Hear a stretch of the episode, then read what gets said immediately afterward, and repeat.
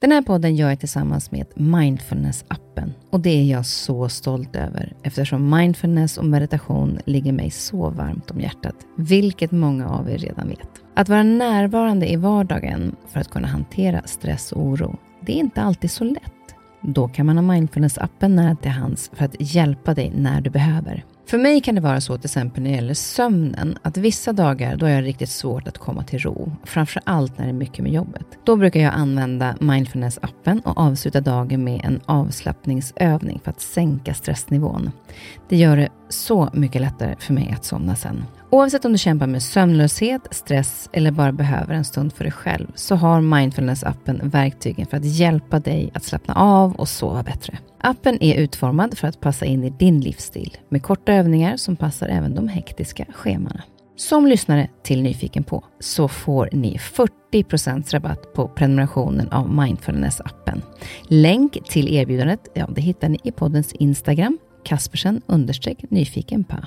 Eller så går ni in på themindfulnessapp.com kristin. Välkomna till min podd Nyfiken på.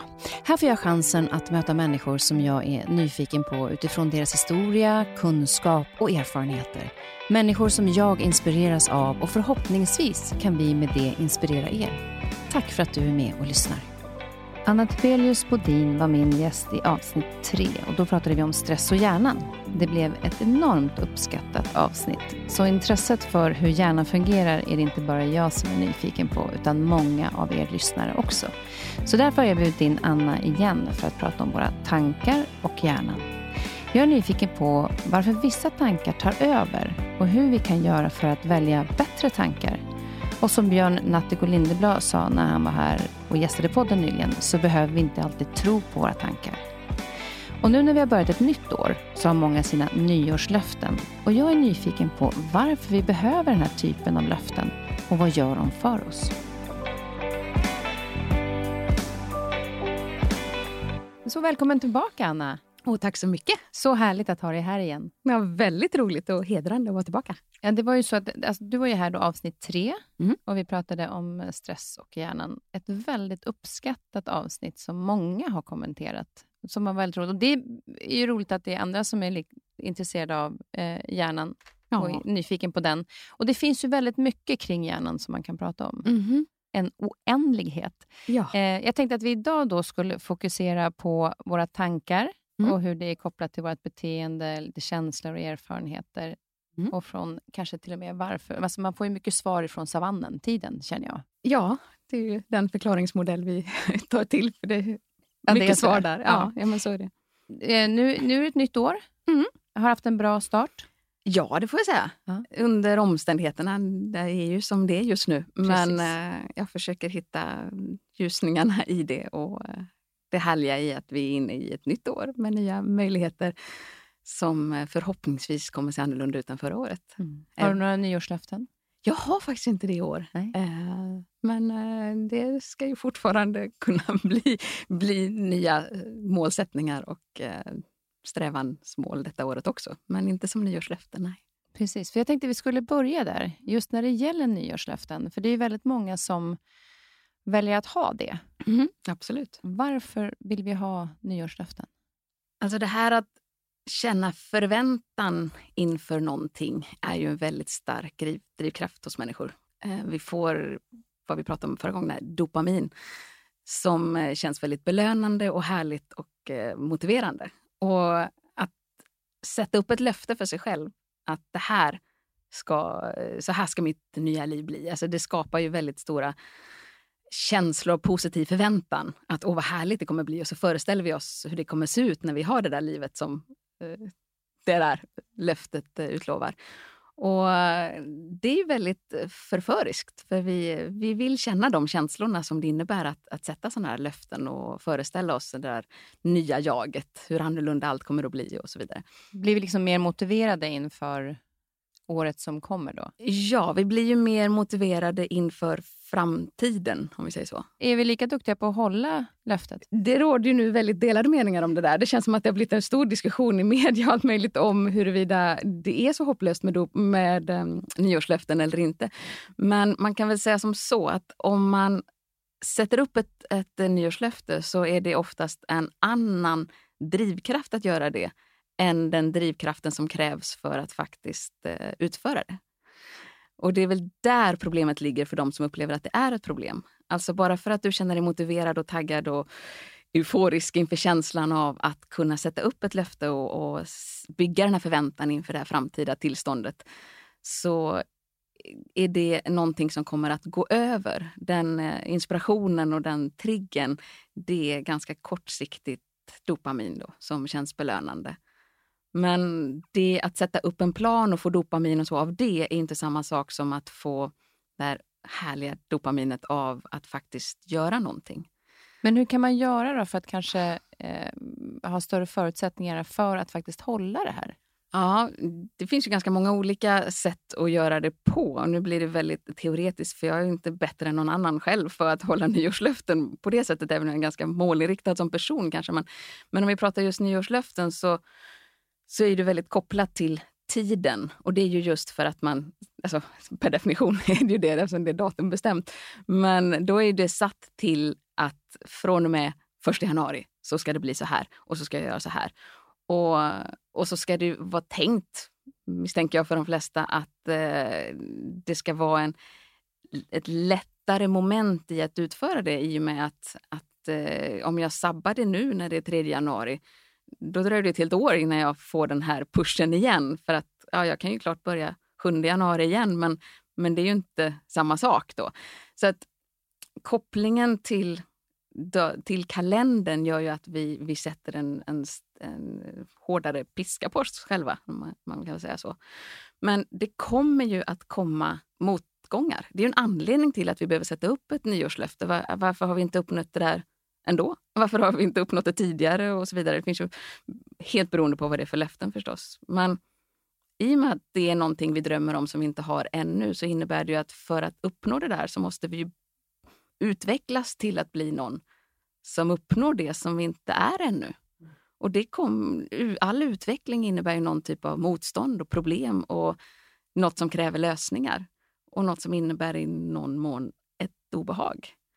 Och när det där obehaget kommer, då är det något helt annat än den där euforiska härliga känslan vi kände när det var så peppande att sätta det där löftet. Liksom. Men jag tänker också så att jag kan tycka att om jag har ett nyårslöfte att jag ska hålla det hela året, så ja. känns det otroligt lång tid innan jag får min belöning. Att så här, shit, jag klarade det. Ja. Eh, och då tänkte jag nu vid nyår att om jag skulle sätta upp ett nyårslöfte att den första månaden ska jag göra så här. Mm. Och sen vid nästa månad så ska jag sätta upp ett nytt löfte. Mm. För då kan jag liksom få belöna mig, alltså, känna mig lite så duktig efter en månad. Ja. Och i samma linje sätta upp ett nytt mål. Ja, det låter ju Och då får man ju lite kickar, alltså då får ju kickarna, de här motiveringskickarna 12 gånger på ett år. Istället för att vänta kan det vara en typ av, av lösning för att hålla motivationen uppe? Ja, men absolut. För vad det egentligen handlar om, som så mycket, ur ett perspektiv som vi oftast inte vill ha, men som hjärnan egentligen alltid har, det är ju hur kan vi undvika obehag? Eh, det är ju egentligen där vi, på det sättet vi skulle behöva tänka mer på våra liv. Inte undvika obehag för att då inte utvecklas, men, men att vi förstår att det, det hjärnan helst jobbar för, att, att undvika obehag. Och då kan man ju antingen direkt undvika situationer som ger en obehag, men det innebär ju att vi inte får någon utveckling. Eller så hittar vi sätt att faktiskt inte betrakta det som obehag. Mm. Eh, det är ju alltså ja. välja en ny tolkning på det. Det är ju det tankarna alltså är till för. Men, men om man, man har din strategi, jag tycker det låter oerhört klokt att sätta månadslöften istället för årslöften på det sättet. Just för att säga att du misslyckas med någonting i januari och mm, att det, det, funkar inte. Som du skulle träna tre gånger i veckan och så har det blivit vecka två och så har du bara tränat två gånger och så är veckan slut. Eh, då är det ju lätt att bara tappa geisten och tycka nej men det här funkar ju inte ändå. Jag, jag gjorde inte vad jag skulle.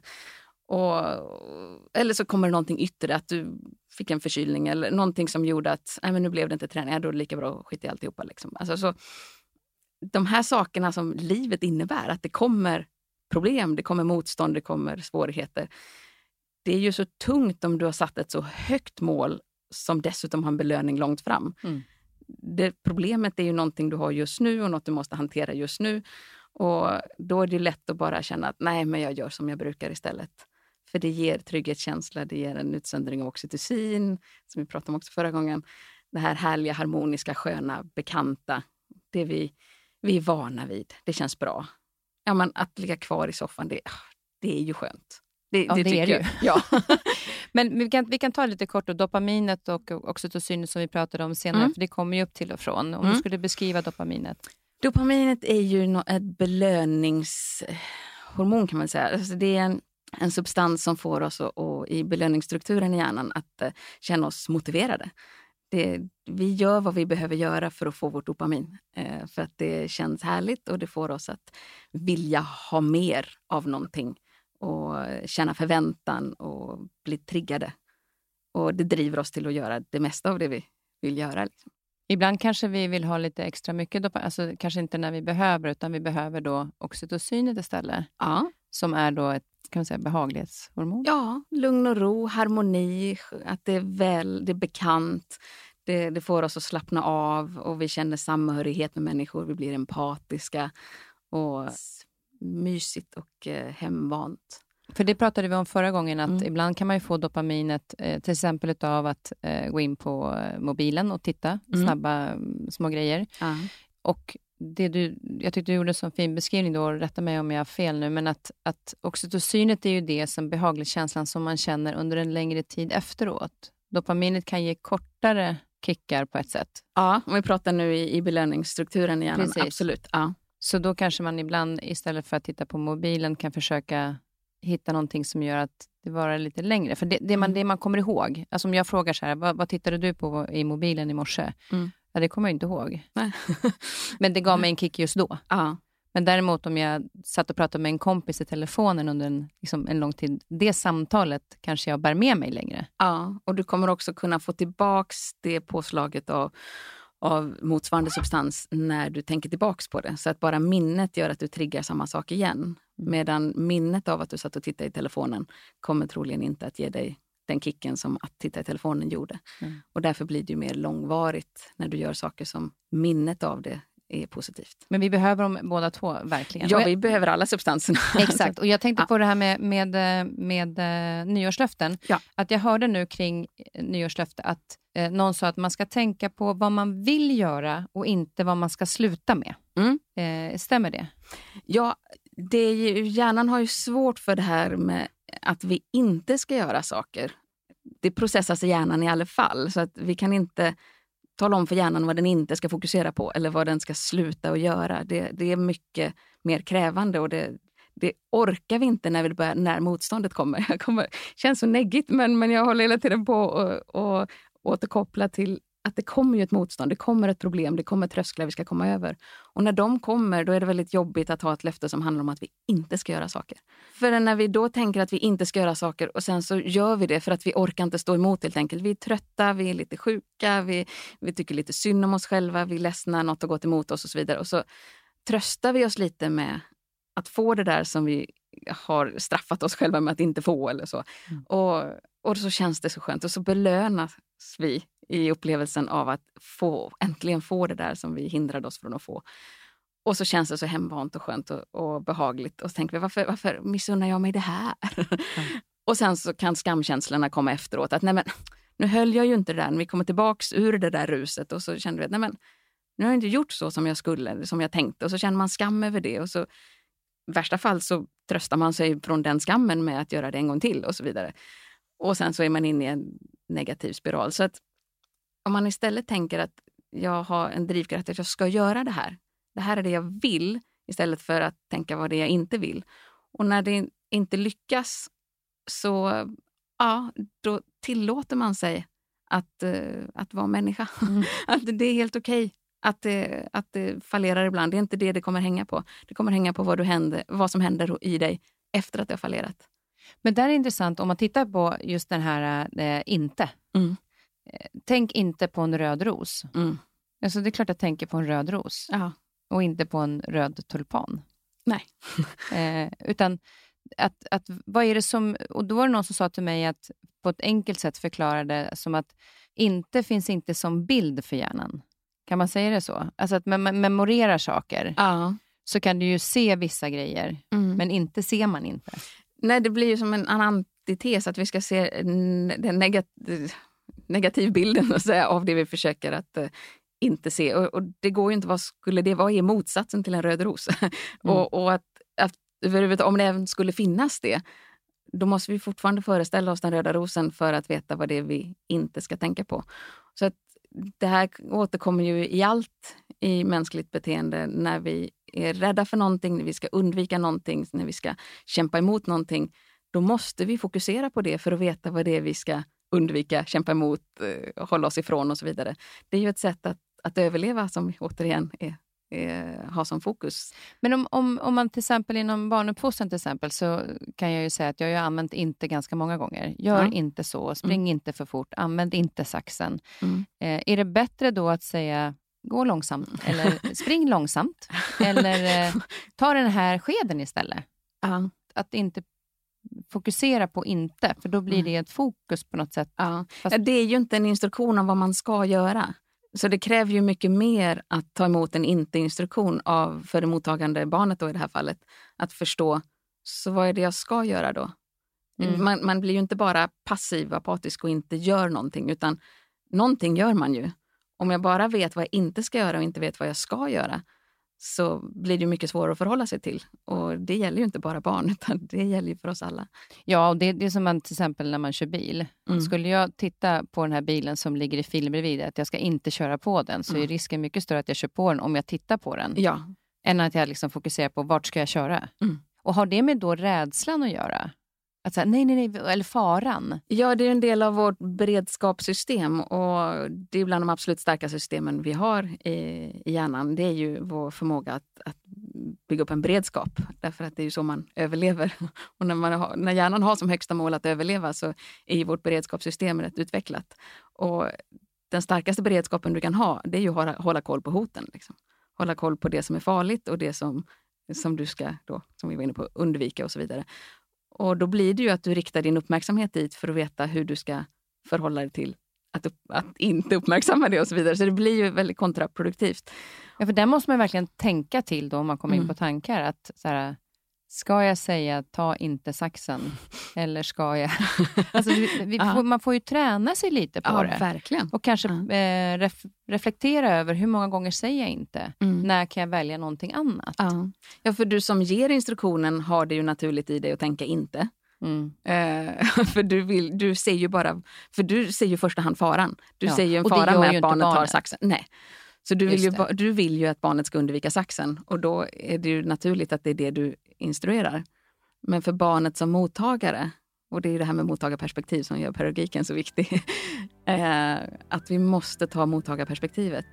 Och där är inte inte så, så eh, pedagogiskt.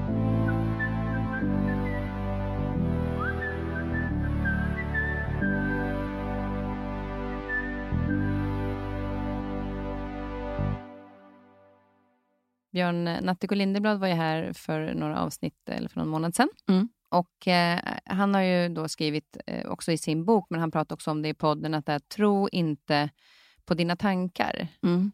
Varför tror vi på våra tankar och varför har vi så svårt att inte tro på dem? Ja, jag skulle vilja säga, hur skulle vi inte kunna tro på våra tankar? Våra tankar är ju vår upplevelse av tillvaron. Och ja, fast, ja. Någonting ska vi ju tro på, men att förhålla sig till sina tankar i ett utom perspektiv, så så här, utifrån perspektiv, eh, är ju vad, alltså jag, jag, tycker det är grymt uttryckt som, som han säger Nattiko, det är ju det är ju så klokt. Men det kommer ju självklart inte naturligt för oss. Därför det naturliga måste ju vara att tro på våra tankar. Vilken annan vägledning har vi? Men kan vi komma in i det metakognitiva perspektivet, att faktiskt se på våra tankar utifrån och förstå att det bara är tankar, då blir det ju i och för sig nya tankar som innebär att vi ifrågasätter de första tankarna. Men det är ju hela tiden tankar. Mm. Men att vi kan tänka om våra egna tankar, det är ju ett, ett, väldigt viktigt steg för att inte bli rent reaktiva på tillvaron, att faktiskt bli aktiva. Men det är ju många tankar som, som eh, man, eller man, jag kan säga jag skapar. Mm som faktiskt inte finns en sanning i, men jag gör det till en sanning. Ja. Och de är ju onödiga att tro på. Är du med ja, jag tänker? Ja, och ofta så gör vi ju de här tankarna för att skydda oss själva. För att förbereda oss för hotet och återigen ha beredskapen till att vi vill inte vara naiva. Vi vill inte missa saker som kan vara hotfullt och sätt att vi kan bli sårade. Så vi vill skydda oss och vi vill eh, vara beredda. Vilket innebär att vi mycket oftare målar upp negativa föreställningar om, om saker och ting. Därför att eh, om vi målar upp det negativa så har, bygger vi upp en större beredskap, upplever vi då. Att då blir jag inte tagen på sängen, liksom. då, då är jag beredd mm. eh, när det där kommer. Vilket ju får en väldigt negativ konsekvens i den bemärkelsen att vi, vi känner ju ett större obehag och mer ångest, oro, panik eller vad det kan vara inför de flesta saker som är obehagliga än när de faktiskt händer. Varför är det så? Det är ju den här beredskapen, för att själva osäkerheten i sig är ju ett stort obehag. Det, det gör ju att vi, vi måste vara på tårna liksom hela tiden. Men när det väl händer, ja då är det ju vad det är. Då är det ju en verklighet. Och då kan vi ju hantera det med en större kontroll. Men det är så okontrollerat innan det händer. Så obehaget inför är ju större. Precis på samma sätt som, som eh, belöning funkar. Alltså det där härliga och underbara och det som vi ser fram emot är väldigt ofta, förstås inte alltid, men väldigt ofta starkare alldeles inför än när det väl händer. Men vad händer före tanken då? Alltså, om man För, kan påverka, ja. påverka redan där, kanske mm. innan tanken... Ja, före tanken, alltså det vill säga vad det är som tanken faktiskt tolkar, så brukar man ju säga att det är ju emotionerna. Det är ju, och det låter ju så självklart. Men, men emotioner... Det är Beskriv ju, emotion. Det är ju fysiska känningar i kroppen som triggas av hjärnan. Eh, och, och, det är ju väldigt djupt i oss och egentligen bara styrt av, av två saker. Att antingen så ska vi fly från någonting som skrämmer oss eller så suktar vi och strävar efter någonting som känns belönande och vi dras till. Och det här påverkar ju vår blodtryck och det påverkar vår frekvenser i hjärnan. Det påverkar ju, det påverkar ju hela känslan i kroppen. Och det är den här, de här fysiska känningarna som, som hjärnan tolkar åt oss. Nu känner du, nu har du hög puls och känner lite darrig och kanske lite, lite fuktig i fingertopparna. Och, och det här, är, ja, jag är nervös, säger du då till dig själv. Alltså, och så kallar du dig själv för nervös. Men i en annan situation så skulle du kunna ha precis samma fysiska känning i kroppen men på grund av erfarenheter, sammanhang och hur du tolkar situationen så tänker du nu är jag taggad, nu är jag laddad, nu är jag beredd på åh vad spännande det ska bli. Och vad hjärnan gör är att den gör två olika tolkningar av precis samma fysiska känning som eh, emotionen har satt igång i kroppen. Så om man tittar då till exempel, om du nämnde nervös till exempel. Eh, så om jag blir nervös så ja. kan jag antingen tolka in det och säga, och nu blir jag rädd för någonting. Ja. Alltså att jag oroar mig för någonting, för det här känns obehagligt. Eh, eller så blir jag väldigt fokuserad. För till exempel om jag mm. gör en direktsändning, om mm. jag står på Idrottsgalan till exempel. Så är det, och jag har ju fått frågan flera gånger, så här, blir inte du nervös i de här direktsändningarna? Mm. Och jag är inte nervös längre under speciellt lång tid. Så tänker jag, så, gud vad skönt, jag är inte nervös. Och så har jag vignetten gå. Ah. Och så bara, vad händer med min puls nu? Ah. Alltså den går ju upp i ja, väldigt högt. Ah. Är det där då som att jag kan reflektera över den känslan? Mm. Att inte känna, shit det här kommer gå till helvete. Eller att nu blir jag taggad. Mm. Alltså man säger själva emotionen, den kan du inte styra över, vad jag vet i alla fall, så långt som jag känner till. Så kan du inte styra över emotion, du kan inte styra över eh, medvetet i stunden att min puls ska inte gå upp. Och det, det, är klart att det finns meditativa tillstånd och sånt vi kan, vi kan jobba för att det inte ska eh, ske. Men för gemene man vanligtvis så är emotionen vad den är. Men vad du är inne på här, det är ju att välja en tolkning av den emotionen. Och eh, och när du väljer att tänka det här, nu är jag laddad, nu börjar det, vad härligt, vad, vad häftigt det ska bli och vad, vad beredd jag är på detta. Då får du en väldigt positiv känsla och det påverkar dels emotionen i nästa led eh, och det påverkar förstås dina tankar och det påverkar förmågan du får att tänka sen i, eh, i själva, när det drar igång. Liksom. Mm. Och hur skarp tänkt du blir eller hur blockerad du skulle blivit om du tänkte nej, och det här betyder ju att jag, nu, nu kommer allting bli kört för att åh, jag är inte beredd på detta och hur ska det gå och sådär. Du kan ju känna med en annan tolkning så, så får du ett annat resultat. Och försöka gå med känslan istället för mot den? Ja. Kanske. Och det är det som oftast är problemet. Vi känner ju oftast inte säga, det största obehaget kring själva problemet. Utan det är att, hur vi tolkar det här och rädslan kring att vi känner ett obehag. Det är rädslan kring själva obehaget än snarare vad det var som gav oss obehaget från början. Det är på något sätt en trigger, eller inte på något sätt, det är ju en trigger för oss att tolka rädsla som inte så mycket kopplat till det som gjorde oss rädda, utan rädslan i sig är någonting som vi fruktar. Och då, då blir det en negativ spiral. Så om vi tänker, nej men jag är inte rädd. Det här betyder inte att jag är rädd, det här betyder att jag är laddad. Precis, för jag kan känna att, mm. eh, jag brukar också tänka det, att så länge jag blir nervös mm. så ska jag hålla på med det här. Alltså på något sätt, för det gör ju mig extra fokuserad, det här är viktigt. Mm. Jag hamnar liksom, jag står på tå, mm. nu jäklar ska jag prestera. Eh, så att jag vill ju ha den känslan också, även om jag inte kanske alltid är beredd på den, för det känns liksom lugnt innan. Eh, men just det här att, att, välja, välja att gå med känslan mm.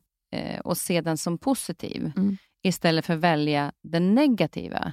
Mm. Men jag kan uppleva att vi många gånger när vi hamnar i, i kanske andra situationer där rädslan kommer upp och så, har en förmåga att välja de negativa tankarna mm. i ett större perspektiv än de som är något bättre. Det behöver inte alltid vara positiva, men en Nej. bättre tanke. Mm. Vad är det som gör, är det liksom återigen det här att man ska liksom skydda sig på något sätt som gör att vi väljer negativa tankar? Ja, alltså för det första i det läget så känner vi ju inte att vi väljer tankar. Eh, eh, och det är mm. därför människor inte alltid har så lätt att anamma den här idén om att vi, att vi väljer tankar. För det känns inte som att det där, det har inte jag valt, det bara kommer. Jag, man upplever sig som mer reaktiv än aktiv. Och då är det bra att påminna om att vi kan faktiskt välja tankar i nästan alla situationer. Det är bara i chock och trauma som vi inte kan det. Men i och med att vi kan välja tankar så är det bra att bli medveten om precis det här du säger. Vi kommer att ha närmare och lättare till, till de här negativa tankarna. Just för att vi har ett mycket större nervsystem utvecklat till att eh, inte missa de här negativa sakerna som eh, kan uppta vår eh, tillvaro och våra tankar. Vi har fem gånger fler nervbanor helt enkelt. Som är negativa? Som larmar oss om det som är negativt och det vi inte ska missa i vår omgivning som, som kommunicerar till oss någonting negativt och hotfullt eller någonting som vi ska skydda oss ifrån och så vidare. Jämfört med de närbanor som ger oss lugn och harmoni och positivt. Och, Hur många gånger mer sa du? Fem gånger fler närbanor. För, för jag kan tycka, och det eh, kanske makes sense då, att när jag tänker negativa tankar så tycker mm. jag att liksom hela min kropp påverkas på ett sätt som det tar så stor plats. Ja. Och den är svårare att komma ur mm. än om jag jobbar med de bättre tankarna. Mm. Då kan det så här, pirra i magen eller kännas positivt i magen och i huvudet. Kanske. Ja, ja. Men den negativa gör mig tyngre. Ja. Det blir spänningar i hela kroppen och det påverkar blodtrycket och, blodtrycket och det påverkar syresättningen. Och det påverkar ju aktiviteten i olika delar av hjärnan på sådana sätt som innebär att vi går in i, i en mer överlevnadsmode snarare än reflektion och avslappningsmode såklart. Men då är det när, när den här negativa tanken då kommer och tar plats, så mm. är det som sagt, vi pratar om det, att det är en träningssak, att ja. kanske då vänja sig vid att välja något bättre tanke. Ja. Men, men om man tränar på det, mm. blir det lättare sen att den bättre tanken kommer snabbare? Ja, alltså det är, hjärnan är ju vad vi kallar för plastisk. Den, den går att förändra betydligt mer än vad de flesta är medvetna om.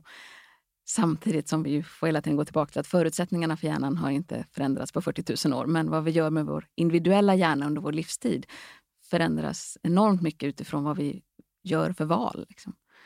Och man brukar säga att upp till en 40 procent ungefär av vår... Eh, jag brukar aldrig säga procentsatser, så jag vet inte varför jag gjorde det nu. Men det, det finns studier som visar på att ungefär 40 procent av av de tankar vi har och, och de vi, den personligheten vi, vi utvecklar utifrån vårt vår tankeliv är, är, är vad ska jag säga, frivillig, vad vi, kan, vad vi kan, faktiskt kan påverka.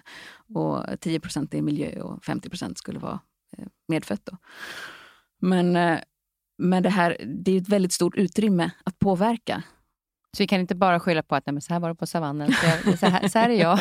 nej, Utan nej. det går att... att det går eh, absolut att påverka. Och tränar vi på att uppmärksamma positiva saker. Så det finns en studie som visar på när man, man frågar um, människor som är deprimerade till exempel. Man frågar dem hur många människor har lätt mot dig idag? Alltså hur, hur ofta ser du människor som, som ler mot dig? Om du är ute på stan eller hos familj, eller så här, hur ser du människor? Nej, men nej, det är aldrig någon som gör. Nej, det, man, nej, det har jag inte sett. Det är ingen som ler mot mig. Och sen så säger man, okej, nu får du uppgift då att eh, vi vill ha lite mer specifikt. Där du räkna. Då visar det sig att det är ju människor som gör det, men de ser man ju inte när man är i ett sånt depressiv, depressivt tillstånd. Det? Därför att det är ju tolkningen av vår tillvaro är ju mycket starkare än våra faktiska sinnesintryck. vi har mer aktivitet som går från hjärnan till våra sinnesorgan för att tolka vår omgivning än från sinnesorganen upp till hjärnan. Så att vi hela tiden jobbar med bara att bekräfta den, den ehm, synen på oss själva och tillvaron som vi redan hade. Det är väldigt mycket av hjärnans aktivitet som går åt till det. Så om vi bara flyter med det så, att säga, så, så får vi inte några förändrade tankar eller några förändrade beteenden. Utan när vi börjar reflektera över att är det verkligen så där? Vi börjar ifrågasätta vår egen sanning, lite som Nante går inne på. Inte tro på sina tankar. Om jag tror att det är så att det är ingen som ler mot mig hela dagarna, kan jag då studera om det är så och faktiskt sen upptäcka att ja, men nu var det faktiskt det. Oj, ja, det var lite speciellt. Och sen, nej, det, var, ja, det är en till. Och, och sen uppmärksamma det. Och det är ju det vi uppmärksammar som kommer påverka vad vi tänker. Och om vi inte jobbar för att uppmärksamma nya saker så kommer vi bara, bara uppmärksamma det som vi redan antar att vi kommer att uppfatta. Och Det häftiga tycker jag där, det är att sen också reflektera över mm. vad hände med mig när jag såg uh. att andra ler mot mig? Hur uh. känns det i min kropp när uh. jag får eh, den positiva effekten. Ja. Så att man inte bara säger, jo, men jag reflekterade över att det var några som låg. Mm. Ja, men vad hände med mig då? Ja. För jag upplever i alla fall att det är först då som jag förstår att det gör skillnad att mm. tänka på det sättet. Visst är det så. Men det här med att, att eh, de här tankarna då som kan vara... Min pappa har ju alltid haft en förmåga att vara väldigt orolig. Ja. Jag kan ju för sig känna igen mig i det en hel del, framförallt när det gäller ens barn. Ja. Men eh, jag kunde ju ringa till honom och säga till exempel att eh, jag säger att en av mina söner hade ramlat på cykel, men att allting har gått bra. Mm. Då kan han ringa dagen efteråt och tänka så här, men tänk om han hade ramlat och inte hade haft hjälm, tänk om ambulansen hade kommit, han kunde ha skadat nacken. Jag bara, mm. pappa, han mår bra. Ja. Allting har gått bra, men han kan liksom fastna i det och sen skapa ett scenario om hur det kunde ha gått. Mm. Är det någonting som att vi accelererar en negativ tanke och gör den nästan ännu större mm. än vad den var. Det är också en del av hela beredskapen. För att det betyder att om det, händer, det här händer nu, då kan ju det hända igen. Och vad skulle kunna hända den gången?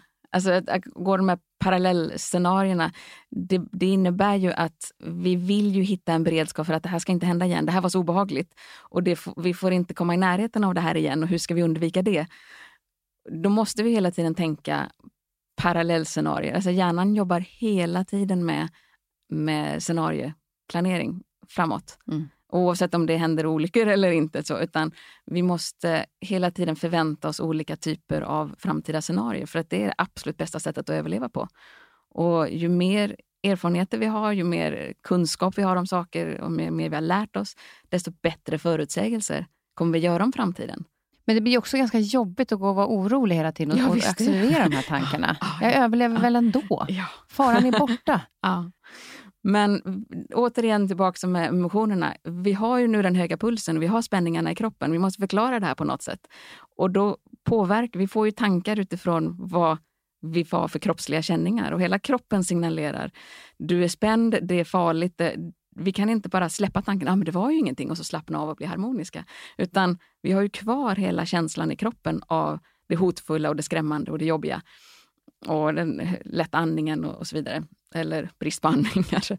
Och, och då förklarar vi det med vad som kunde ha hänt. Och så får vi de tankarna som hör ihop med, med den emotionen av fara. Men kan man då tänka istället för att att när man då planerar så här, om det mm. händer igen, mm. och så, så drar man hela den här harangen i huvudet. Ja. Eh, Och så försöka tala om för sig själv att okej, okay, jag vet nu vad jag ska göra om det händer igen. Ja. Så släpp det. Ja.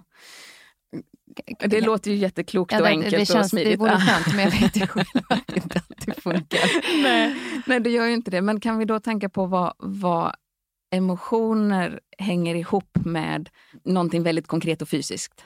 Om vi jobbar med avslappning, om vi jobbar med andning, om vi jobbar med kroppshållning och alla de här sakerna som talar om för den fysiska kroppen att det inte är någon fara. Att vi har fysisk beröring hud mot hud, att vi, vi känner trygghet, lugn, harmoni och att vi fysiskt får den typen av känningar. Så är det ju lättare att komma ur den emotionen, vilket gör att vi också får andra typer av tankar. Så om vi bara tänker att nej men nu måste jag släppa det, nu måste jag släppa det. Då, då kommer det gå stick i stäv med vad hela kroppen känner. Och då tror vi ju inte på oss själva. Det måste ju rimma med den fysiska känningen i kroppen för att vi ska tro på det. Det låter lite som när man, eh, om man blir kär. Ja. Att då händer det ju väldigt mycket i kroppen. Ja. Det händer väldigt mycket i huvudet också då va? Ja, minst sagt ja. Minst sagt. Och där, där, tycker jag ibland att man inte tänker speciellt klart alla gånger. Eller tänker Nej. alls, utan bara är väldigt, bara är på något sätt. Ja, och vi blir väldigt, väldigt eh, fokuserade på objektet för vår förälskelse, ska man väl säga, kalla det för. Så att, eh, där handlar det ju mycket om att vi, vi förlorar en stor del av den här kapaciteten att tänka rationellt och klart och reflekterande. För att vi får inte så mycket blod till vår, med syre då, till, till vår pannlob där vi tar de här medvetna besluten och, och dessutom lär. Alltså om jag tänker, hur kan jag falla för samma typ av, av person som jag vet inte är bra för mig och så vidare. Och så vidare. Alltså det, vi brukar normalt sett ha en stark inlärning kopplat till starka känslor, men inte vid förälskelse. Den är komplicerad vad jag förstått. Ja. Vi pratade lite grann om det innan ja. vi skulle prata idag och då sa du att ja, fast den där delen, den är... det är väldigt komplicerat med, med förälskelse på så många plan, men även neurologiskt. Ja. Eh, så... Då är det inte konstigt om det är komplicerat neurologiskt att det också blir komplicerat. Nej. Det, verkligen, det behöver inte alltid vara, men det kan vara. Det kan vara.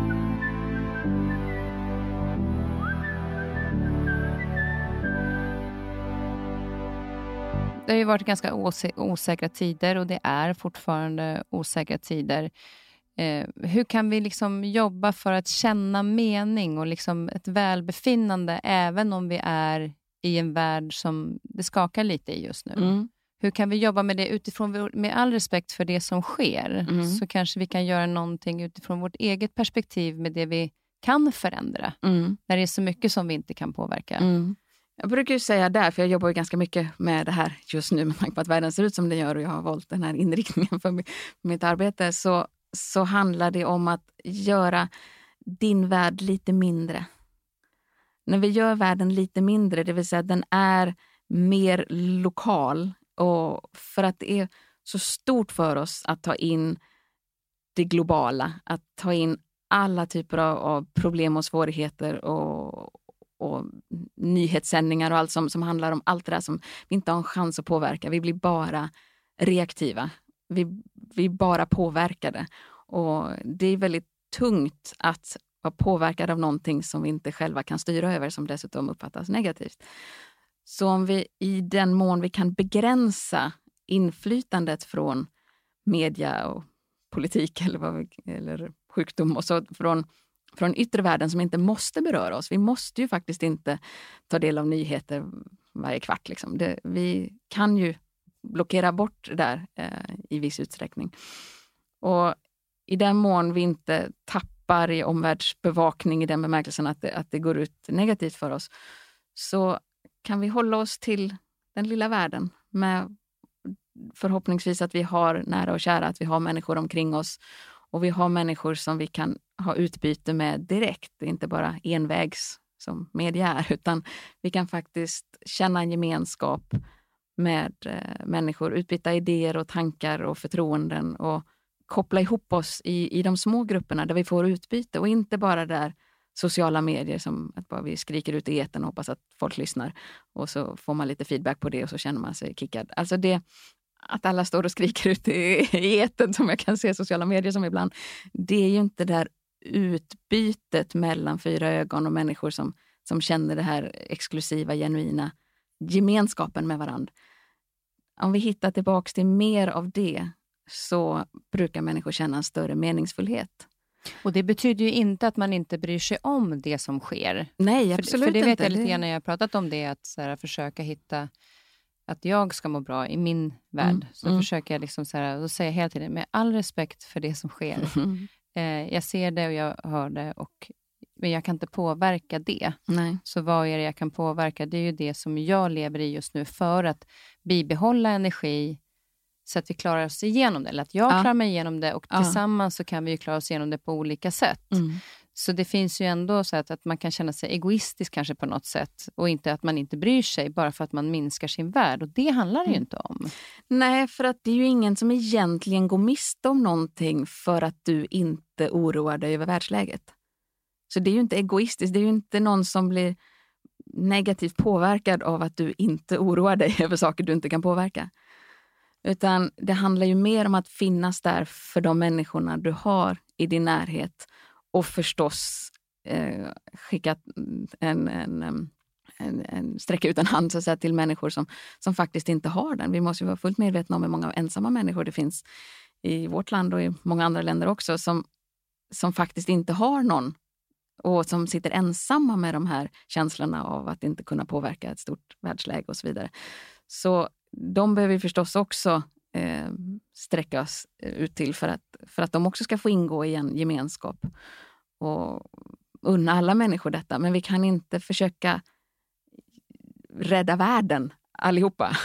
Eh, Nej, och kanske när vi inte det, kan det. Vi kanske gör det mer om vi, om vi ser till att vi försöker må bra där vi är just nu ja. för att vara starka när världen öppnar upp igen. Ja. Och eh, Många gånger tycker jag att alltså, se se det man har mm. och inte lägga så mycket fokus på det man inte har. Mm. gör mig eh, i alla fall gladare. Ja. Men jag får också koncentrera mig på mm. vissa dagar att så här, om jag vaknar upp och tycker att fasiken, alltså, jag, det är jättehärligt att ha en hund. Mm. Alltså, det är mm. närhet. Mm. Men alltså, hon svarar ju aldrig. Jag är så trött på att prata med någon som inte svarar. Ah. Och då gå ut och, och käka middag med en kompis som jag oftast umgås med, så mm. det är ingen, ingen ny. Så bara få det utbytet, så, åh vad härligt. Att ja. uppskatta det och att det behöver inte vara en stor fest. Nej. Utan se det vi har istället ja. för det. Och Jag tror att om vi lyfter blicken lite grann de dagarna, även om det, för det blir ju tungt. De dagarna mm. när man vaknar och känner så mm. och blir irriterad på allt och alla mm. för att det är ett sånt här läge. Mm. Vad skulle du säga är det bästa knepet att styra om tanken där? Föreställ dig någon som skulle önska att de hade dina problem. Mm. För det, kommer all, det finns oavsett vad du har problem, för problem, så finns det någon som skulle önska att de hade det problemet.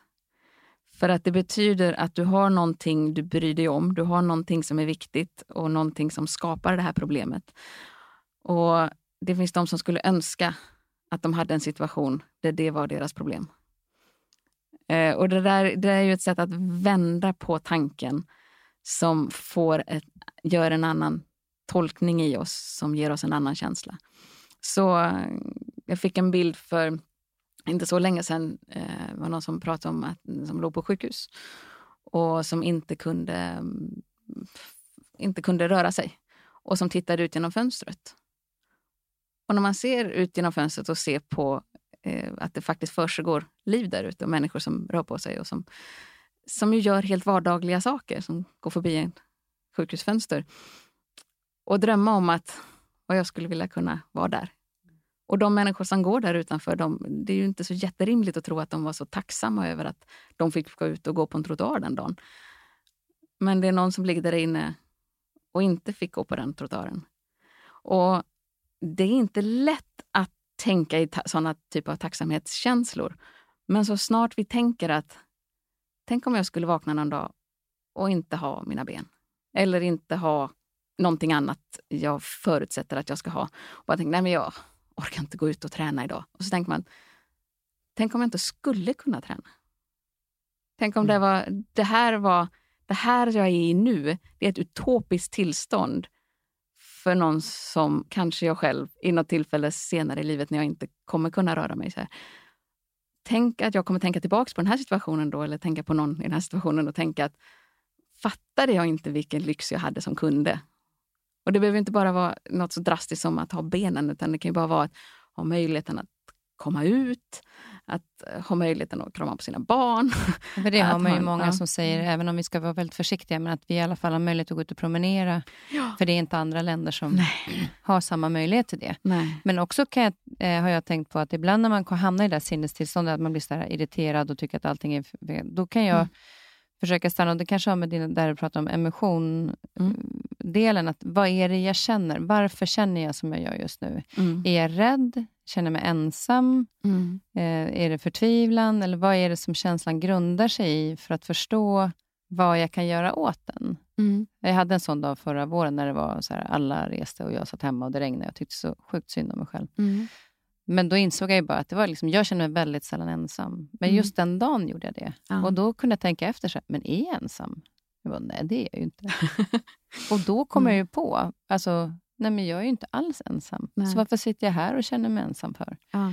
Och Det var ganska skön reflektion över att, hur det sen försvann. Mm. Så det varade ju några timmar. Mm. Men när jag vågade känna in, vad är det då emotionen i kroppen som påverkar min... Ja, jo men det blir det för att det blir en... När du känner att du inte är ensam, det betyder ju inte bara att du inte ensam. Det betyder alltså att du har apropå att inte är komplext för hjärnan. Mm. Det betyder att du alltså har människor omkring dig som du får ett utbyte av och som du känner kärlek för och, och, så vidare. Och Den gemenskapen och tacksamheten för att de här människorna finns i ditt liv som innebär att du inte är ensam, det ger ju dig oxytocin. Just det. Och det oxytocinet kommer ju inte hela tiden för att du har det här i ditt liv och du om, som om någon hade ställt frågan är du tacksam för dina barn så skulle du förstås alla dagar i veckan svara ja. Misstänker jag, som ja. alla föräldrar. Eh, så, så innebär ju inte det att du har ett konstant flöde av oxytocin. Du måste ju medvetandegöras. Ja, just det. Så du måste rikta mm. ditt fokus på att vara tacksam för det och att tacksam för att man har gemenskapen som innebär att man inte är ensam. Den tanken krävs ju för att du då ska känna oxytocinet. Mm. Och ju oftare vi kan få den typen av tacksamhetskänslor, om det så är för våra vänner, eller för våra ben, eller för att vi har ett jobb, eller våra arbetskollegor, eller eh, för vår hund, ja. eller, eller vad det nu må vara, eller våra föräldrar. Eller, väldigt ofta handlar det om relationer, men det kan ju också vara för att vi faktiskt har tillräckligt med mat, att vi har försörjning. Att, så. Kan vi känna tacksamhet för de här sakerna som vi av naturliga skäl inte kan göra konstant? Men om vi riktade en tanke som väldigt ofta hjälps av att vi tänker vad skulle vara, hur skulle det vara om jag inte hade det? Då blir vi ju tacksamma för att vi just ägnar tanken åt det hållet, att vi fokuserar tanken åt det hållet. Det är så coolt att vi kan, vi kan påverka så mycket själva. Och ja. det är ju, jag brukar säga att det är, det är mitt ansvar att ta det. Ja. Eh, och ansvar kan många gånger låta som att det är någonting som är tungt. Att, oh gud, det här har jag ansvar för. Men jag mm. tycker mm. att det är så här, det är så coolt att jag har det, att jag kan ta det ansvaret själv. Ja. Att faktiskt via att fundera kring på det sättet som du säger, faktiskt vända min känsla. Mm. Om än det absolut, jag respekt för för många att det är svårt. Mm. Och med tanke på det du säger, att de negativa eh, delarna i nervsystemet är fem gånger större, så är det klart att det krävs en kraft att få in den bättre känslan ja, men såklart. för att den här, de här fem gånger nervsystemet ska sänkas. Ja. Så vi kanske får jobba lite hårdare med det, mm. men, men reflektera över känslan sen när man har gjort det. Ja. Att det verkligen är värt det. Och sen när vi, vi pratade lite grann innan vi skulle träffas idag, så pratade vi om det här med, med tankar och hur jag tänker och hur andra tänker. mm. Och att vi ofta eh, ska inte säga alltid, men alltså många i perioder utgår ju från att det jag tänker är ju så det är. Ja, såklart. Så ja, är det ju. Alltså, alltså jag, ja. mina tankar är... det är den objektiva verkligheten. Så, ja. mm. Vad är det som gör att vi ofta tänker att liksom världen cirkulerar kring mitt perspektiv? Varför har vi så svårt ibland att se det från andras perspektiv? Att de kanske har andra erfarenheter, andra känslor, upplever saker på annat sätt. Och lyssna in det. Ja, alltså det finns ju vad vi kallar för theory of mind som en eh, psykologisk term som vi pratar om. Mentalisering kallar vi det på svenska också. Att eh, förmågan att kunna uppfatta att andra eh, har andra föreställningar än vi själva och känner och tänker andra saker det ska ju utvecklas i fyraårsåldern, säger man. Eh, och det är väldigt tydligt när man gör experiment på, på riktigt små barn och eh, på, på något äldre att det händer något väldigt drastiskt i uppfattningen om världen eh, vid fyraårsåldern. Men utifrån din fråga så låter det som att vi aldrig utvecklar det här egentligen. Att vi ja, inte... men det, inte alltid, men i många nej. situationer mm. kanske. Och framförallt när det är kanske ett motstånd så vill mm. vi ju känna att nej, men vad fasken, det, här, det, jag, det jag tänker är sanningen. Så ja. här tycker jag. Ja. Sen är det nästan svårt att ta in vad du tycker, för jag står så starkt kvar i min känsla. Mm. För det är ju din sanning. Det är ju på det sättet och det känner ju du och det, det vet du och du har erfarenheter du har gjort vad du upplever en analys och bedömning som är helt objektiv. För det, vi uppfattar ju oss själva och vår uppfattning om världen som väldigt objektiv. Medan den är väldigt subjektiv och dessutom väldigt varierande utifrån vad vi har för emotion just då. Mm. Eh, för att eh, är vi väldigt eh, spända och, och kanske fryser eller fått koffein eller är, har fått för lite sömn eller påverkad av alkohol eller alla de här sakerna och, och känner oss stressade så får vi ju olika tankar om exakt samma input. För att vi helt enkelt har ett sånt kroppsligt tillstånd just då. Så att vi är ju inte ens eh, kontinuerliga i oss själva. Och ändå så tycker vi att vi uppfattar allting så objektivt. Ja. så det är ju väldigt många parametrar här som, som ställer till det. Jag tycker, när jag hörde om det första gången så mm. var det ju, jag tror det var Kjell Enhager i Framgångspodden när han gästade där. Ja. Som beskrev det då som barn, då förmodligen före fyra års ålder, ja. eller runt omkring där. Att de visade en kub och så var den grön på ena sidan mm. och så var den röd på andra. Mm. Och så visar de att det finns två färger på den här kuben. Ja. Och så visar de upp den gröna sidan för barnet. Och så säger de, vad ser du? Jag ser grönt, säger ja. barnet. Och vad ser jag? Grönt. ja, eh, för att de kan inte se att utifrån ditt perspektiv så ser du någonting annat. Och Den tycker jag är ganska målande mm. i, i situationer när jag själv hamnar i det. För jag är absolut där ibland att jag tänker så här, men jag tycker att jag är jättetydlig och att det borde vara självklart för dig också. ja. Fast du kanske ser den röda sidan ja. i ett annat perspektiv. Ja. För dina erfarenheter och dina känslor. Men har, vi har ibland svårt att ta in det. Ja, för att vi, det, det är inte så självklart för oss att ta mottagarperspektivet. Vi, tar, vi har ju vårt eget perspektiv. Och eftersom vi uppfattar det som ett objektivt perspektiv så blir det ju inte lika eh, intuitivt att vi skulle eh, behöva ta in den andres perspektiv. Utan det är ju en, eh, att vi var inne på tidigare, metakognitiva, att vi måste tänka någonting om våra tankar. Vi måste tänka ett steg högre för att ta in att det jag tänker behöver inte vara sant, apropå Natthikos idé. Mm. Eh, och då måste jag tänka, okej, okay, så hur tänker du som innebär att jag skulle kunna förändra min tanke? Alltså det är få saker i, i människans drivkrafter som är så starka som att upprätthålla framförallt bilden av sig själv. Att vara en kontinuerlig person som är förutsägbar i det sättet att jag är som jag är. Alltså självbilden ska vara väldigt konstant för att vi ska känna oss trygga och, och känna att vi håller ihop. Liksom. Och då måste ju hur jag uppfattar saker vara konstant men det, det, det, har ju en möjlighet att bli påverkat såklart, annars skulle vi inte utvecklas. Så det, det, blir det ju. Men vi är väldigt låsta om vi inte gör någonting säga, i hur jag uppfattar det. Så återigen handlar det här om att medvetet ta in den andres perspektiv. Och Det måste ju vara okej, okay, för någonstans är det så att, att den andra sidan behöver ju inte också bli grön. Alltså nej, det, nej. det, det, är okej att du ser den röda sidan, för då förstår jag varför du, du gör som du gör och jag gör som jag gör. Ja. Jag behöver ju inte få den att tänka från den gröna sidan heller. Nej. Om den upplever den röda sidan av kuben, så är det okej. Okay. Ja. Men det beror ju på vad syftet är i, i vår kommunikation. Alltså Är syftet att vi ska komma fram till en, en sanning om någonting? Eller är syftet att jag ska påverka dig i någon riktning? Eller att jag ska få dig att tänka, känna, göra annorlunda i något sammanhang. Alltså, syftet med kommunikationen är ju, är ju helt eh, avgörande här till, till vad vi ska sträva efter att göra. Och Det finns så många situationer man pratar om, till exempel man ska ge, man ska ge någon feedback. Då är ju det viktiga när man ger feedback att personen i fråga uppfattar feedbacken som jag eh, Alltså i, på ett sätt som gör att de förbättras. Mm. Det är ju ganska vanligt att man säger och det här och det här och det här, det gjorde du jättebra, det var fantastiskt, det var superbra. Men om du gör så här så blir det ännu bättre. Det är så lätt att vi utgår ifrån tanken som dyker upp i vårt huvud om vad vi tycker att den andra skulle göra annorlunda. Och då blir det väldigt ofta att man använder men i en feedback till exempel. Det här var jättebra. Och så i mitt huvud tänker jag, ja, fast i motsats till det som var jättebra så skulle det här behöva göras bättre. Och så lägger vi in ett men. En person som hör en sån feedback vet ju man hör ju när det ska komma ett men. Även om men, alltså, inför att det kommer ett men så hör man på hela tonläget om man har varit med i den situationen tidigare. Man vet att snart kommer ett men. Så allting du säger före men, ja, det, vet, det är ju bara för att locka in mig till att jag ska bli smickrad så att jag sen ska ta emot det där när du verkligen säger vad du tycker. Vilket innebär att jag kan förkasta allt det där du säger före men. Och så väntar jag på männet och sen så hör jag vad du egentligen tycker och så tar jag emot kritiken.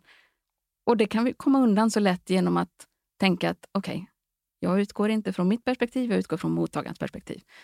Mottagaren skulle vara mycket mer behjälpt av att höra det här och det här och det här gjorde du jättebra. Och om du gör så här blir det ännu bättre.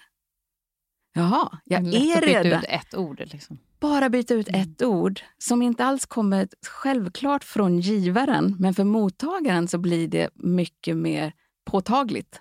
Därför att då tänker jag, okej, okay, jag är i ett positivt läge som jag kan toppa. Exakt. Och det är ju en helt annan sak. Ja, och det kan ju vara så också att den här, det här som man kan göra ännu bättre, mm. intentionen med när man gjorde det från början, det ja. man gjorde, var ja. ju att det skulle bli bra. Ja. Och det, det framgår ju framförallt när man tar bort det här männet. Mm.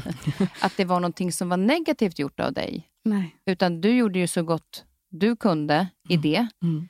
Eh, och om du gör så här så kan det bli ännu bättre. Ja. Så det var inte fel, men det kan bli ännu bättre. Mm. Det är så intressant just det här med ena, men och och. Ja, det är väl, och det finns ju många sådana exempel på vardagssituationer som, som att be om förlåtelse till exempel. Mm. Att be om ursäkt för saker. Det kan vi ju göra av väldigt olika anledningar.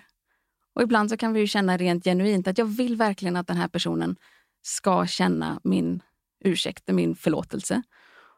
Och så säger vi att jag är, jag är jätteledsen om jag gjorde dig ledsen, men eh, det var, det, det var inte meningen. Liksom. Det är ju en, en, formulering som kommer från mig. Mm. Därför jag känner att det var inte meningen att göra personen ledsen. Och så gjorde jag det. Och, eller tydligen så gjorde jag det. Jag förstår inte riktigt varför. Men om det var så, så är jag ledsen för det. Mm. Personen som tar emot en sån ursäkt får ju mer, ja då ligger det på mig. Om jag blev ledsen så ber du om ursäkt. Så att det var en svaghet hos mig alltså. Alltså som man istället mm. skulle säga att jag är ledsen att jag gjorde dig ledsen. Ja, just det. Då lägger jag det hos mig. Mm. Och då blir den personen mer mottaglig. Att okej, okay, du förstår att du gjorde mig ledsen. Och då är det inte eh, inbäddat. Liksom. Då, är, då är det menat på ett annat sätt. Så bara att byta att en ursäkt som innehåller om behöver inte tas emot som en ursäkt, för då är det mer den givaren som, som känner det snarare än tvärtom. Så att mm. man säger att istället för om. Och Det där är ju så fantastiskt, för att, att be om ursäkt är ju någonting som är fint. Och Sen är det ju att om vi lär oss att formulera det på rätt sätt så, ja, så också, måste, behövs ju också mottagaren ta emot det. Ja. För annars så blir det ju ingenting i alla fall. Nej. så precis som med feedback men, som Men det gör ju bara att man kan ja. välja de orden på ja. rätt sätt. Ja. Det är många gånger som man säger om, men man menar att. För att vi inte riktigt har den här kunskapen. Så Nej. det är därför det här är så intressant att, att prata om. Vad, vad, vad, små saker vi kan förändra som kan göra en stor skillnad.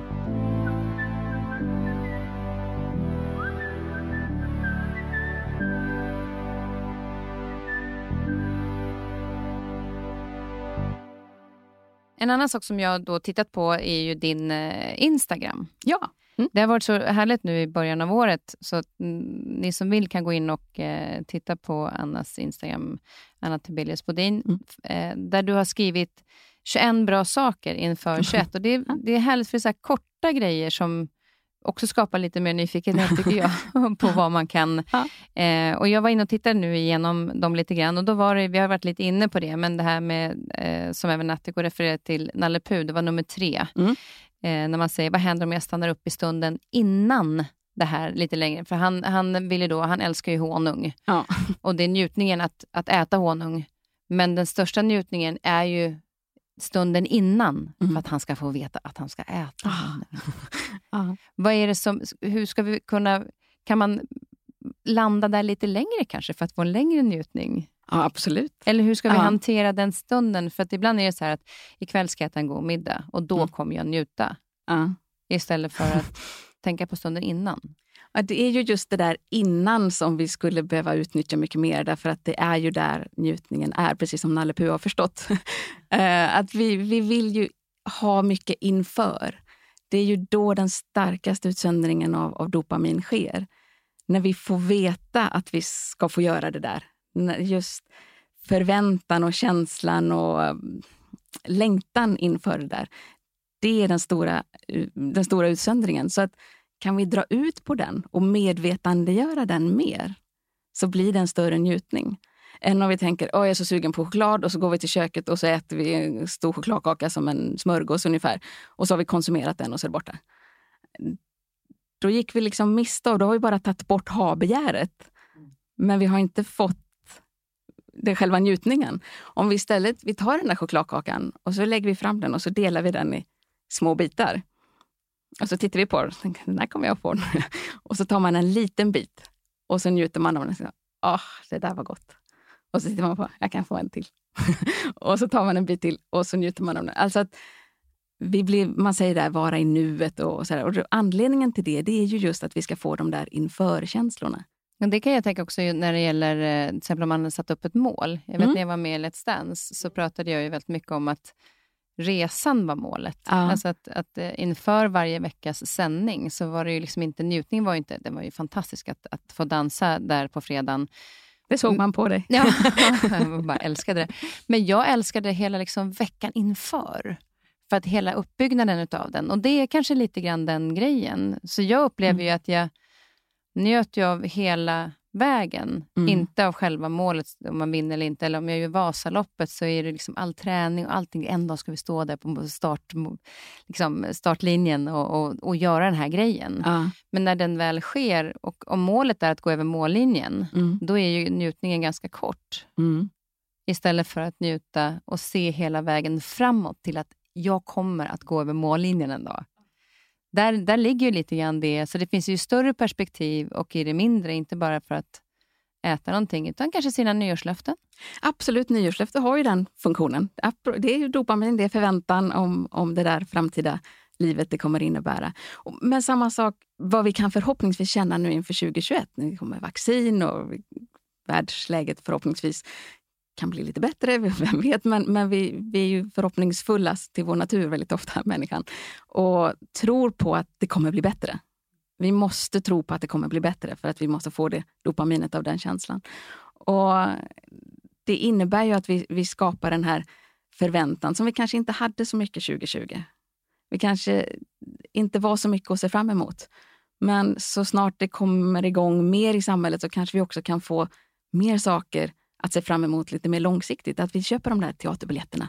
Eller vi ska få åka på den här resan. Eller vi ska få träffa den här släktingen eller mm, dejten eller vad det nu är. Eh, och så kan man få se fram emot det ett tag. Vissa saker kanske kommer dröja månader. Men vi vet att vi har biljetterna där på kylskåpet. Liksom, där det kommer att hända. Det ger oss ju dopamin under väldigt lång tid. Ja, men det kan, Per Johansson som var här från Hudik-teatern, mm. han eh, var ju med i ett avsnitt. Och han pratade, han tyckte det var så jobbigt att han inte hade just ett slutdatum. Nej. Att det fanns liksom ingenting, och det kanske är det, när han vet inte mm. när han kan väl få börja med teater Nej. igen. Så det finns ingen liksom förberedande känsla i att snart får jag honung. Nej. Utan, Nej. Och det Då kanske det, som gör. Men nu, nu när vi har eh, vaccin och, och det, det, börjar gå mm. åt inte, man kan inte säga att det går åt rätt håll när situationen ser ut som den gör, men vi har i alla fall en framtidstro om att snart så kommer det då har vi lättare mm. att hålla ut och ja. se fram emot någonting. Ja. Det finns anledning att tro att vi skulle kunna ha något att se fram emot. Mm. Och Du var inne på det här med mm. habegär, för det var nämligen nummer fyra på, på ditt Instagram. Där. Ja. Eh, varför har vi det? Ett habegär? Ja, alltså eh, varför vi, och det var, det var en svår fråga. Varför vi har ett habegär? Är det att vi vill ha saker eller är det... Ja, alltså vad jag skrev i, i den här posten, då handlade det ju om vad habegäret inte är snarare. Okay. Ja, men vad är det inte? ja. Det är ju inte någonting som vi kanske tror det var, att det skulle vara något som tillfredsställelsen ligger i att faktiskt få det. Vilket ju, mm. man antar ju att ett ha-begär måste väl innebära att ja, nu väl får det, då måste det ske den största liksom, utsöndringen av positiva substanser. Det måste kännas jättehärligt. Men det är egentligen att vi blir av med obehaget av att inte ha det. Alltså det är inte tvärtom. Och det, låter ju, det... nej, och det låter ju jättetråkigt och sorgligt att det är det som är ett ha-begär. Att det är så jobbigt att inte ha det vi vill ha. Så att så snart vi får det så slipper vi det obehaget. Mm. Och det är i sig en njutning att slippa obehaget. Men det innebär ju då också att vi njuter ju inte så mycket av det vi faktiskt har fått som man skulle kunnat tro när vi var så angelägna om att få det. Det finns ju förstås andra saker som triggar igång nya saker när vi väl har fått det. Att då får vi, ja, vad det nu är.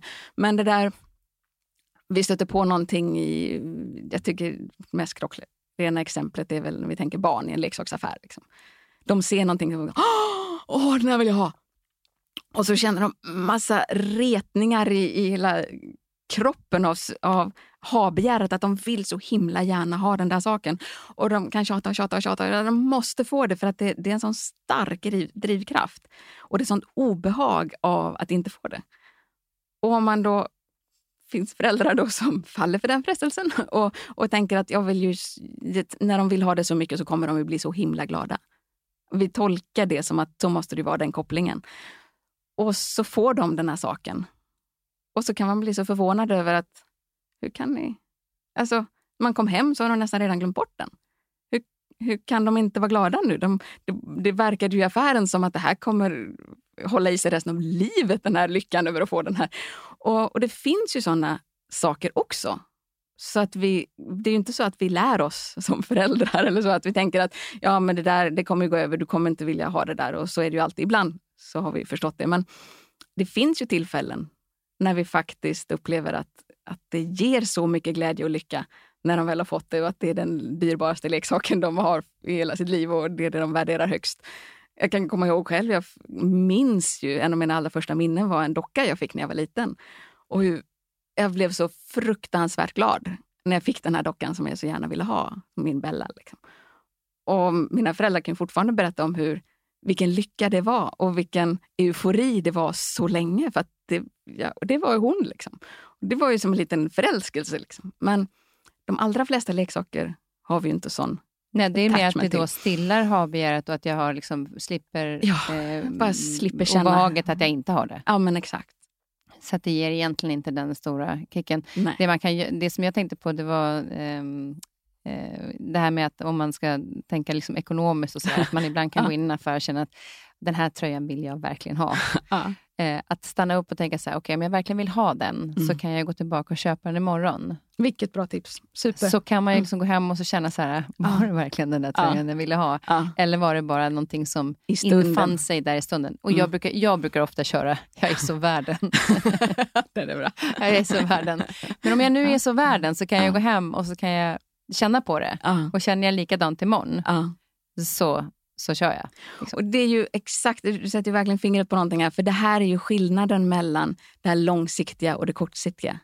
Och det är precis samma sak som vi var inne på i början här med, med nyårslöftena. Alltså, det här att, att shoppa någonting som ger oss kicken när vi väl shoppar det och sen när vi har fått hem plagget, då behöver vi inte vara barn utan vi bestämmer själva kanske vad vi, vad vi handlar. Och så känner vi att ah, nu var, det var inte så spännande att äga den där tröjan. Men jag fick en kick av att shoppa den det är ju det kortsiktiga. Det är precis skillnaden mellan att få en kick av att sätta det där nyårslöftet eller att få en kick av att vara en sån som uppfyller nyårslöftet. Så var i ligger tillfredsställelsen? Och kan vi ha nyårslöften som är formade så att vi, vi får tillfredsställelse av att faktiskt utföra dem? Och det är inte bara en, en fråga om att lägga band på sig själv eller att plåga sig själv eller att vara ja, mer eh, militäriskt hård mot sig själv. Utan jag får faktiskt en tillfredsställelse av att utföra det. Så kan man likna det vid, det kanske låter som en långsikt eller en, en, eh, en märklig liknelse, men man kan likna det vid, kan du känna en tillfredsställelse av att äga den där tröjan? Mm.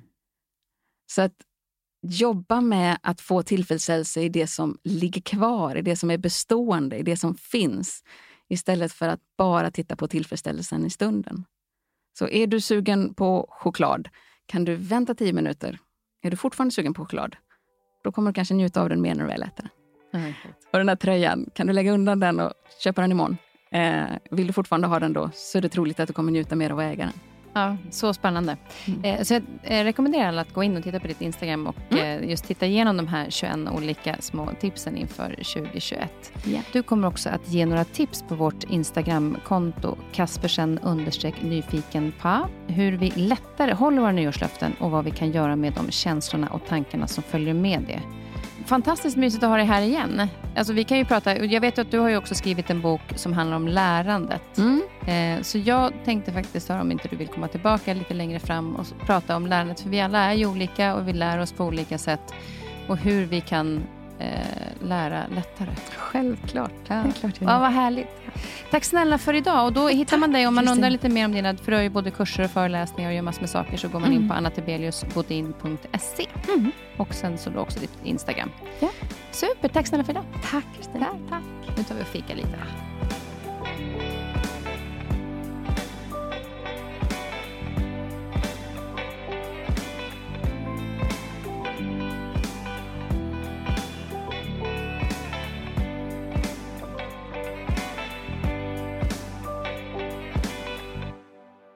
Den här podcasten är producerad av Perfect Day Media.